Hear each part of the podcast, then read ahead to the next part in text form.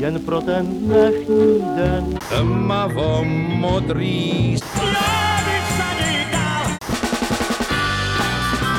Matildo, počkej chviličku.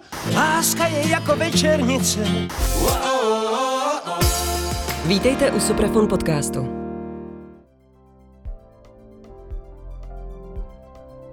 Pět myšů, tak se jmenuje kompilace dětských písniček, kterou na konci února vydává Suprafon. Jsou to písničky, které napsal hudební skladatel Petr Skoumal. Ten Petr Skoumal, který bohužel v roce 2014 odešel.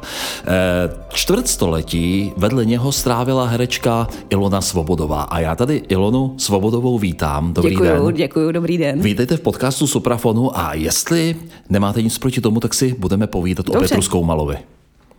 Petr Skoumal je výrazná hudební postava na české a československé hudební scéně. Jak vy na něj vzpomínáte jako na muzikanta? Jako na muzikanta? No, je to zvláštní, že teďka třeba zrovna v téhle době eh, zjišťuju, že ty všechny písničky, které Petr složil a, a byly vlastně v komunistické éře, hodně jich, tak jsou pořád přenosný i do dnešní doby. Takže eh, pokud odlišíme dětskou a, a dospělou tvorbu, tak prostě byl geniální a Uh, on měl teda klasické hudební vzdělání normálně na konzervatoři a jamu, ale byl prostě úžasný a geniální, protože to pořád ještě funguje dál. Jak moc tu muziku miloval? Ptám se na to, jak moc doma hrál, jak moc doma komponoval. No to je právě, to bylo hrozně krásný, protože on jak měl to klasické vzdělání, protože studoval jamu a mm, dirigování a zbormistra, tak vlastně miloval vážnou hudbu a mm, mě vždycky hrozně těšilo, když měl dobrou náladu a já jsem přišla po představení z divadla a on seděl u klavíru a hrál třeba Haydna nebo Chopina, tak to byly vlastně strašně krásné chvilky noční a k tomu jsme popíjeli víno. Existují písničky, písničky, které napsal speciálně pro vás?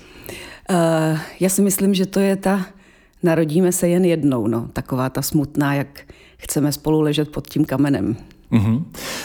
Petr Skoumal také psal písničky pro děti. Eh, samozřejmě měl i tvorbu pro dospělé. Eh, vzpomínáte si, jakým způsobem on odlišoval to, když tvoří pro dospělé a když tvořil pro děti? Já myslím, že to úplně neodlišoval a proto ty písničky fungují i pro dospělé, i pro děti, protože já úplně nesnáším a on taky, když se uh, ty lidi proměňují a pitvoře jenom proto, že těm dětem jsou tři nebo čtyři roky, ale děti nejsou blbí, takže pokud ty písničky on bral tak tak, že to potěší i dospělí, což teda myslím, že můžeme všichni potvrdit, tak eh, to je prostě to správný. A hm, hrozně bylo legrační, jak vždycky mi to dával poslouchat a pak to zkoušel na našich dětech, jak to funguje nebo nefunguje. A, eh, a po případě na dětech různých kolegů, takže taky na těch deskách plno nás tam zpívá a on byl hrozně náročný a ten zpěv, pamatuju, že vždycky chtěla, abych mu naspívala druhý hlas a já jako jsem vystudovala na konzervatoři hudebně dramatické oddělení, ale úplně jako nemiluju zpívat.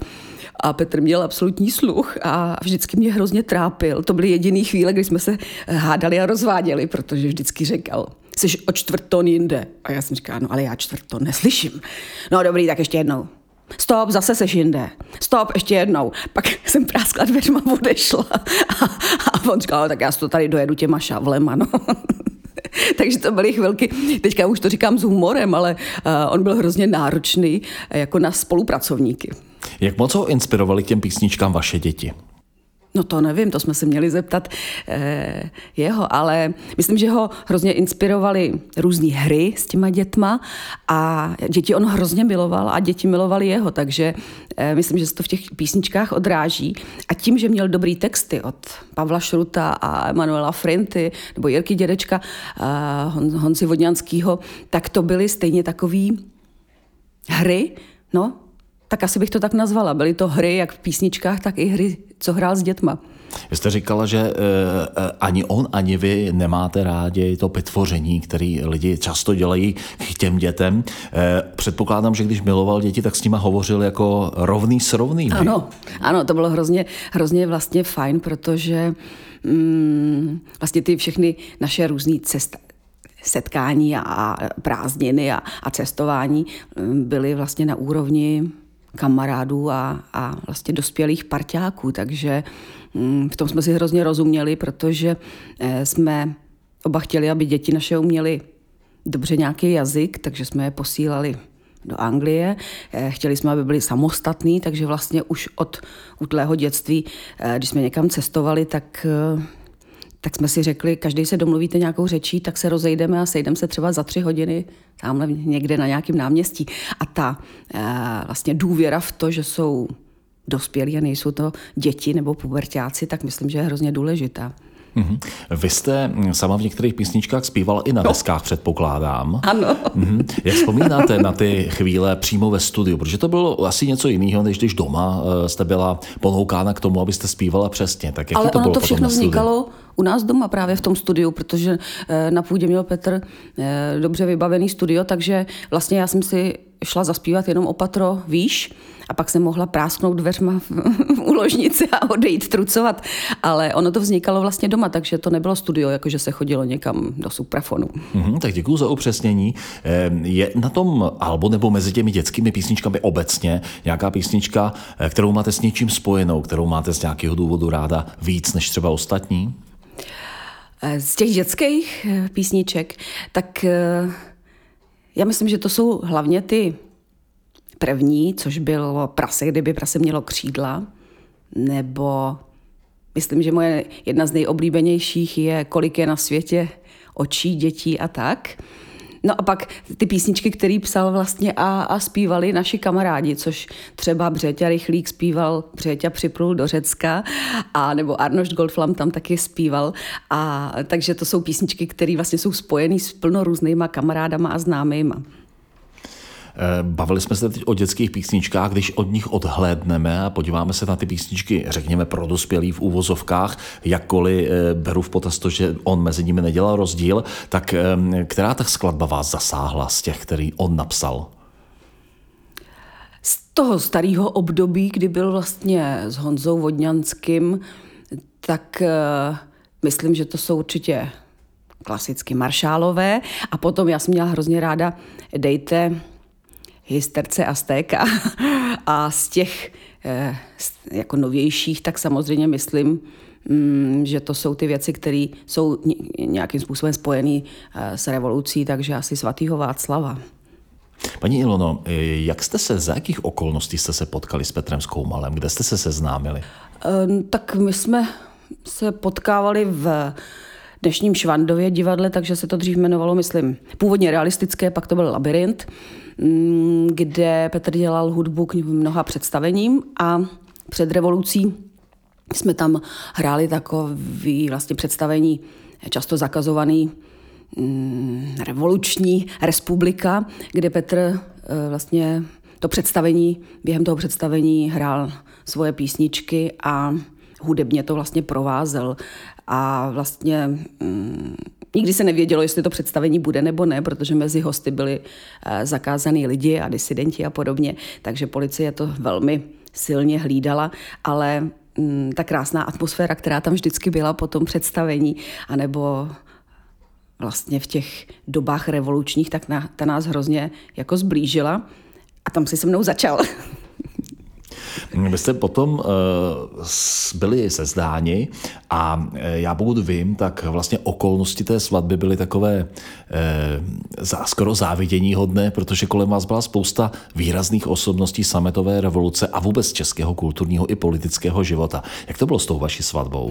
No tak my jsme spolu bydleli a právě kamarádi a různí spolupracovníci Václava Havla už říkali, tak už byste se snad mohli vzít, takže v podstatě tu svatbu nám zařídil Láďa Kantor a vlastně ty lidi, kteří byli kolem pana prezidenta a všechno nám zařídili v Rostokách na zámečku a nás tam už jenom jako šoupli, aby jsme se vzali a e, našimi svědky byli Leoš Suchařípa a Pavel Šrut, což byla obrovská událost, protože si pánové spletli, den si nespletli, ale spletli si hodinu.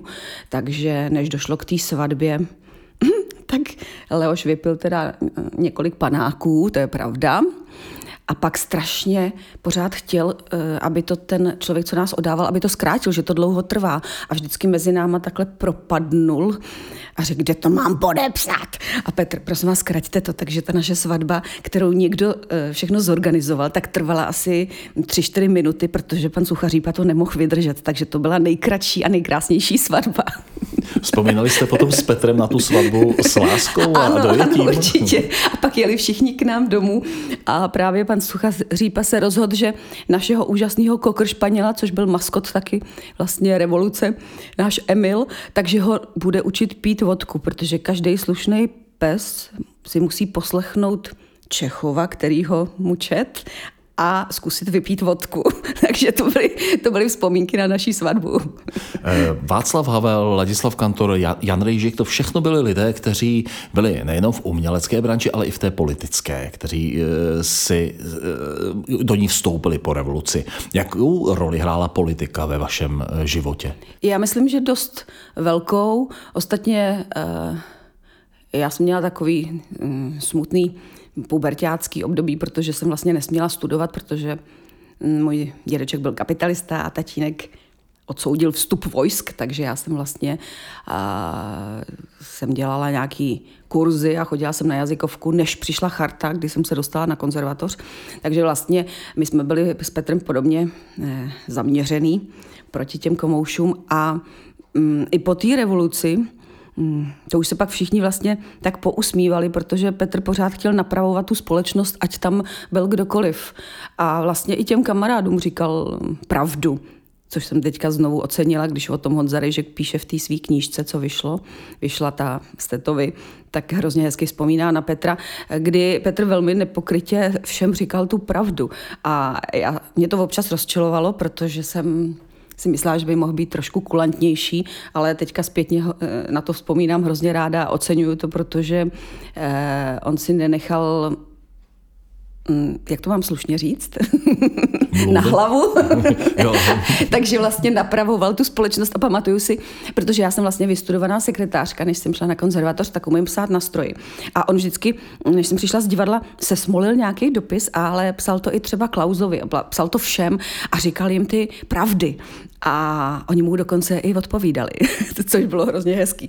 Ale měl pravdu. Myslím, že by to těžce nes ty poslední roky naše, než dnešní, ale měl můj obdiv teďka zpětně. Mm, takže dneska zpětně to vidíte tak, že vlastně ty jeho pravdy byly skutečně tedy pravdy tak, jak se odehrály potom no, no, v těch no, no, novodobých no. dějinách. Mm, mm. A on vlastně si eh, tím, jak byl vlastně celý život sám sebou a na volné noze a všechno, tak práce byla, nebyla, peníze byly, nebyly, tak eh, nikdy vlastně eh, z těch svých názorů neustoupil Hodně lidí to rozčelovalo, protože říkali, že by mohl být za něco vděčnější a slušnější, ale to jsem vlastně na něm milovala, že si těžce šel za svým a ty pravdy říkal eh, krutě někdy i mě, ale zase když něco pochválil, tak to opravdu asi bylo dobrý. Měl kvůli tomu hodně nepřátel? Já myslím, že oni ho brali ty naši přátelé a kamarádi tak, jak že už na to byli zvyklí. Uh, fakt je, že Mm, někdy Petr říkal ty pravdy těsně třeba po představení nebo po koncertě a to úplně není úplně košer, ale uh, to se přehnalo, ty zloby, takže pak vždycky mávli rukou a řekli, no jo, to je Petr. A vlastně pak i za to byli vděční, protože k tomu člověk třeba později došel, jen to nechtěl slyšet hned a natvrdo, ale Petr to tak říkal. No. Um, uvažoval někdy Petr Zkoumal o to, že by vstoupil vážněji do politiky výrazně? Uh, ne, myslím, že si vyzkoušel takový občas, uh, myslím, že to bylo na ČT2 nebo jedna, takový ty moderování různých politických poledních sezení, nevím, jestli to bylo na dvojce, a bylo to po revoluci, kdy si zval různý politiky a hudebníky a tak, tak a to bylo, myslím, maximum, co jako chtěl dělat, že se vyjadřovali k různým e, situacím, které se děly, ale že by někam vstupoval, to myslím, že nikdy nechtěl, spíš to chtěl tak jako vždycky třeba vtipně srážet. Ale vím, že tenhle pořad existoval, my nevím už, jak se jmenoval, ale existoval třeba rok, dva a byly to hrozně zajímavé setkání, protože mm, si tam zvolal i ministry a jak to bylo všechno po revoluci takový uvolněný, tak to bylo úplně eh, jak oáza.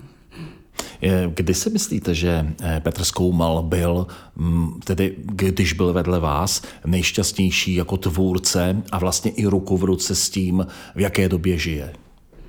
No já myslím, že byl po těch mnoha různých uh, vztazích, uh, tak myslím, že jsme se nějak tak vzácně potkali a byl hrozně šťastný, když eh, fungoval ten náš dům a rodina a, a děti a, a zvířata a, a večírky a, a cestování. A já jsem takový člověk, který sice miluje právě bujný život, ale zároveň jsem taková jako na jednu stranu, jak jsem blíženec, ráda vařím a, a vlastně on byl, myslím, nejšťastnější, když tohle všechno tak hezky fungovalo, což fungovalo těch skoro 25 let. A vlastně asi to je všechno tak správně, jak to mělo být, protože e, i ten jeho odchod byl zvláštní, protože ještě 2. září měl koncert a za tři neděle pak zemřel, takže asi kdyby měl být nemocný a někde ležet v nemocnici, tak by to vlastně jako ne, asi nikdy ne, nevydržel. No. Mm-hmm. Můžete prozradit, co bylo příčinou toho odchodu jeho? Tak já si myslela, že třeba uh, má nějaký stárnutí nebo Alzheimer nebo co, protože zapomínal občas texty, ale on z toho vždycky udělal přednost. Ale právě tom začátkem září mm, v malostranské besedě ten koncert byl už takový jako dost tristní, protože fakt zapomínal ty texty, neměl chuť ani na pivo a na panáka, což teda se nedělo. A mm, začal tak jako hubnout, takže vlastně e, pak asi za deset dnů objevili, že vlastně má rakovinu všude úplně. A za týden usnul a už se neprobudil. Mm-hmm. Ona, mm, ta data důležitá v jeho životě byla spojena s výraznými osobnostmi, ano. protože on se narodil 7. března a odešel 28. 8. září. září. 7. březen je spojen s narozením Tomáše Garika Masaryka. A ten 28. září to je svatý, svatý Václav. Václav. Vidíte v tom nějakou symboliku? No určitě. Já nevím, no. Tak je to takový zvláštní, ale... Mm symbolika to je. A já jsem hrozně ráda, že vlastně eh, kamarádi a kluci, část ETC, mm, tyto dny vždycky eh, pořádají koncerty a vzpomínají na Petra a je zvláštní, že to je teda tolik let a pořád to je vyprodaný a pořád ty písničky fungují. Eh, jaké měl koníčky Petr Skoumal? Vařil hrozně dobře a rád. A to jsem byla nadšená, protože já jsem vlastně dělala takovou českou a francouzskou kuchyni a on hrozně dobře vařil Čínu a indickou kuchyni, kterou miluju. Takže uh, vaření a to, co mu vůbec nešlo, tak vůbec nebyl praktický a vůbec neuměl žádný domácí jako práce ani na zahradě, takže mě kupoval vždycky k narozeninám a k Vánocům různý stroje, takže já jsem dostávala pily a sekačky a, a vrtačky. Nejbližší člověk, který musel ty práce vykonat. No, musel to někdo udělat a on dostával kuchařky a koření a tak. Vy jste hovořila také o tom, že rád cestoval. Jednalo se o cestování po světě, nebo to byl milovník naší vlasti? To taky rád jezdil samozřejmě po místech, i kdy, když s klukama hráli, tak samozřejmě miloval mm, Českou republiku, ale v podstatě, jak se po revoluci všechno uvolnilo, tak jsme se nadechli a, a začali jsme cestovat. Eh, tak samozřejmě on hrozně rád cestoval, ale musel to někdo zařídit. Takže já jsem to vždycky zařídila a po případě ještě jsem se rychle naučila aspoň malilinku nějaký jazyk, kam jsme jeli. A on vlastně na to spoléhal, protože mluvil Eh, jenom anglicky, protože tam kdysi vlastně, když rodiče tam byli po válce Ataše, tak tam chodil v Londýně do školy, takže on mluvil dobře anglicky, ale nevěděl proč což byly vždycky hrozně legrační eh, chvilky, kdy děti poučoval o nějakém minulém čase, ale mm, jak děti stárly, tak eh, už uměli anglicky líp a věděli, proč tam jsou ty tvary a on to nevěděl a říkal to všechno jenom citem. Takže já jsem to musela zařídit, on občas někde mluvil, ale většinou to nechával všechno na mě, takže to bylo velmi pohodlný, ale myslím, že to oceňoval. Já jsem se naučila i něco eh, francouzsky a portugalsky a on měl rád, když, mu, když vlastně měl ten zaručený servis. Existuje nějaká cesta, na kterou ráda vzpomínáte i po letech? Nějaká vtipná nebo e, spojená se setkáním se zajímavými lidmi? No, my jsme měli takovou tradici, která je hrozně, byla hrozně krásná. Já, jak jsem pořád byla v těch divadlech a točila jsem, tak mě bylo líto, že děti rostou a, mm, a třeba se nenaučí lyžovat. Tak jsem pak jednoho dne zrušila Vánoce a a jezdili jsme vlastně 19 let, 18 let jsme jezdili do Rakouska lyžovat přes Vánoce a myslím, že všichni oceňovali, že na ně nekřičím, nic nepálím doma a lyžujem, pak jdem někam na štědrý den na večeři. Takže to byla jedna z takových krásných tradic. A potom Velikonoce jsme měli krásné tradice, kdy každý z nás vždycky z těch čtyř eh, třeba řekl nějaký město, kam, jsme, kam budeme cestovat.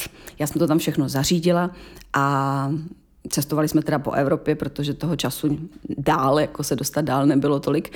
A mm, vždycky jsme to město si užili počínaje hospodama, galeriema a, a myslím, že to byly hrozně krásné jako svátky, protože jsme byli eh, a dětem ukazovali vlastně všechny možné evropské města a galerie a, a myslím, že to byly nejhezčí chvíle, co jsme spolu byli takhle. Ty cestování vánoční a velikonoční. No já vás obdivuji, eh, jak vás poslouchám, třeba z toho důvodu, že si myslím, že v době, kdy jste cestovali společně, tak vlastně ten internet nebyl, nebo neměl takovou sílu, že třeba objednat ubytování přes internet ještě třeba nebylo možný, takže to musela být opravdu docela práce, ne? Hodně trošku telefonátů. To byla, trošku mm-hmm. to byla práce a proto jsem jako mm, se i tak jako učila, nebo ráda se učím ty jazyky, protože to musel někdo uh, zařídit. Většinou jsme si psali ještě vlastně Teď byl fax a takovéhle věci byly. To už dneska, když to vyprávíte mladým, tak si říkají, proč jsi neklikla? jako, tak to nebylo, že jo. Ale pamatuju si, jak já jsem se rozhodla kdysi, že pojedu, že prostě už mám toho divadla dost a pojedu do Francie do školy. A to, jsme se, to bylo hrozně krásný, protože jsme e, trávili ve Francii dovolenou a já jsem pak děti a Petra odvezla do Calais, kde děti jeli do Anglie, do Londýna, do školy a Petr chtěl jet do Londýna si tak jako pobejt a pochodit po místech, aby si zavzpomínal, kde žili a kde chodil do školy a tak. A pak, že se za mnou zpátky vrátí do té Francie. Tak samozřejmě, že jsem všechno musela zařídit. A, a pamatuju si, jak v tom Kale říkal, tak já za tebou přijedu do Ruánu. Jsem byla ve škole v Ruánu. To byla neuvěřitelná drzost. Uměla jsem jeden minulý čas, jeden budoucí a sebrala jsem si batoh v 50 a jela jsem do školy. A, a on říkal, tak se zeptej, jak se dostanu za tebou do Ruánu. Já jsem říkala, to se můžeš zeptat na straně anglický zrovna tak ty a koupit si ten lístek.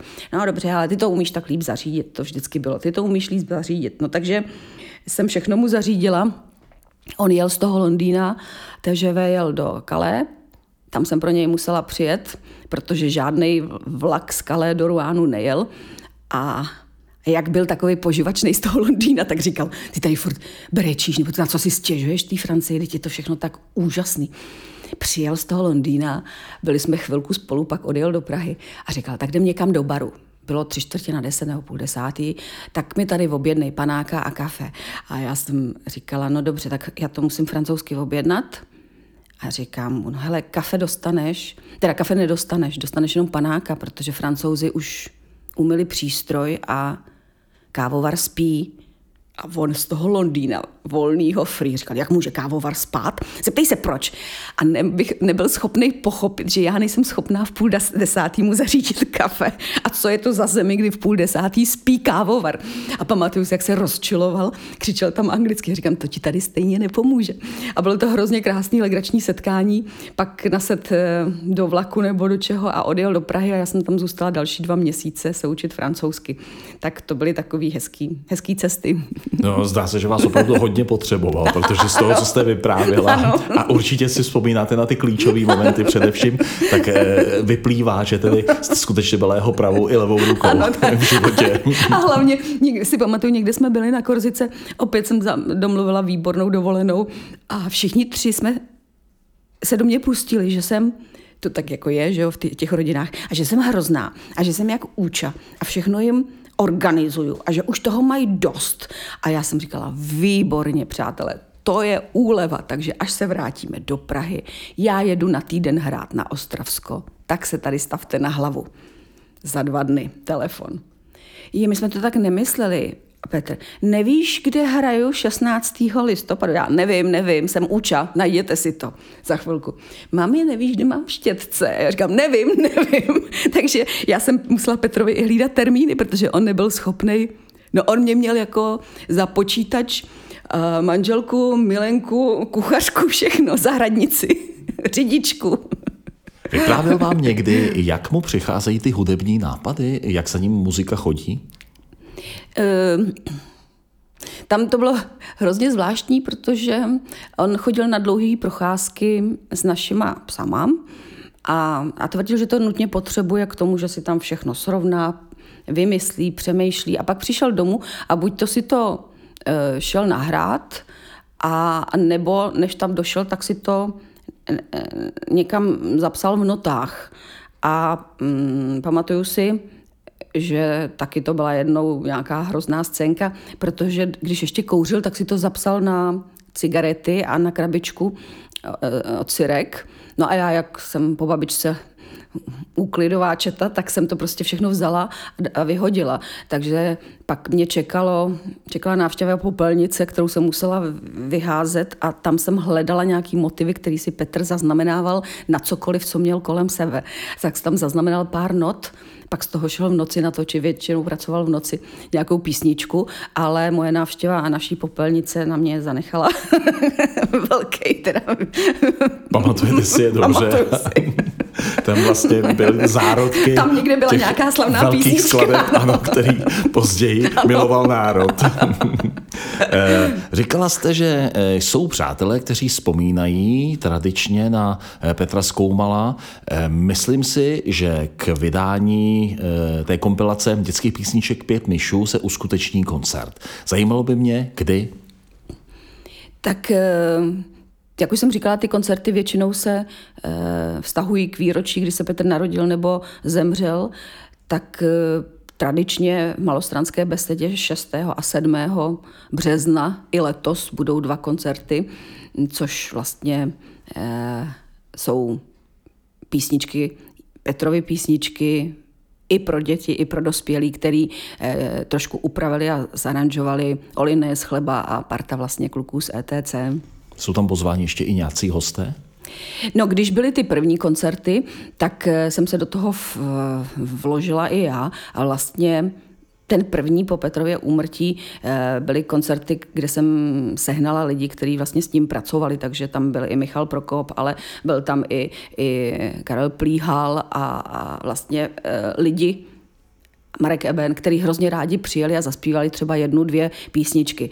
Ale ono je to hrozně těžké to dávat organizačně dohromady, takže už to nechávám opravdu produkcím a mm, myslím, že Nevím o tom, že by tam byl někdo ještě další, ale třeba Marek Eben se určitě rád zastaví. Uh-huh. Je, ještě mi řekněte, zaspíváte toho 6. a 7. Ne, března? Nebudete? Ne, pro boha ne. ne. Ale mohla byste. ne. Já myslím, že to nechám mm, těm, kteří to umějí. Dobře, uvidíme, třeba se to ještě změní. Eh, děkuji Iloně Svobodové za vzpomínání na Petra Skoumala nad albem Pět myšů kompilací dětských písniček. Děkuju, mějte se krásně. Děkuju i vám a děkuji za pozvání.